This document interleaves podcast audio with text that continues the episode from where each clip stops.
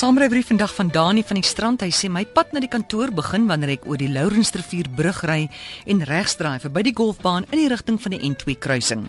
By die verkeerslig staan die eerste hoekbedelaars sigaret in die hande.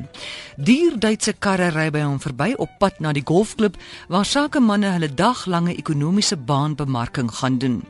Langs Victoria weg loop ma's met kinders aan die hand en werkers met skouersakke op pad na die naaste taxi. Van die oorkant af kom arbeiders op pad na die bouprojek op die volgende hoek.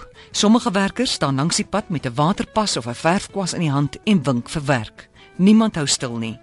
Ek draai weg van die Lourensrivier en ry by die motortoetsstasie verby tot by die N2 waar die verkeer reeds kilometers ver ophoop in die rigting van Selouriespas na Kaapstad.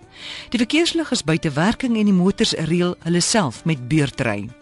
'n Ambulans probeer sy pad oopskree met sy sirene terwyl almal hulpeloos na hom kyk. Twee busse blaas dieselrook by my motor se inlaat in.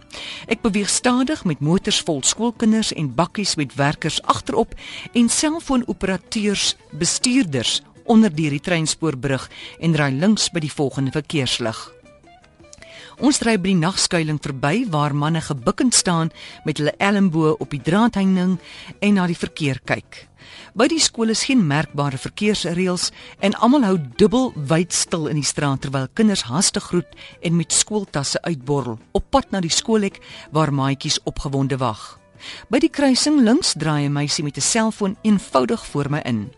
Ek kom by die kantoor aan en parkeer my motor.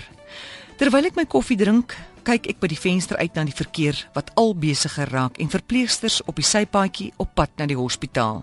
So lewe ons almal op ons eilande. Ons ken mekaar van sien, maar ons ken mekaar glad nie.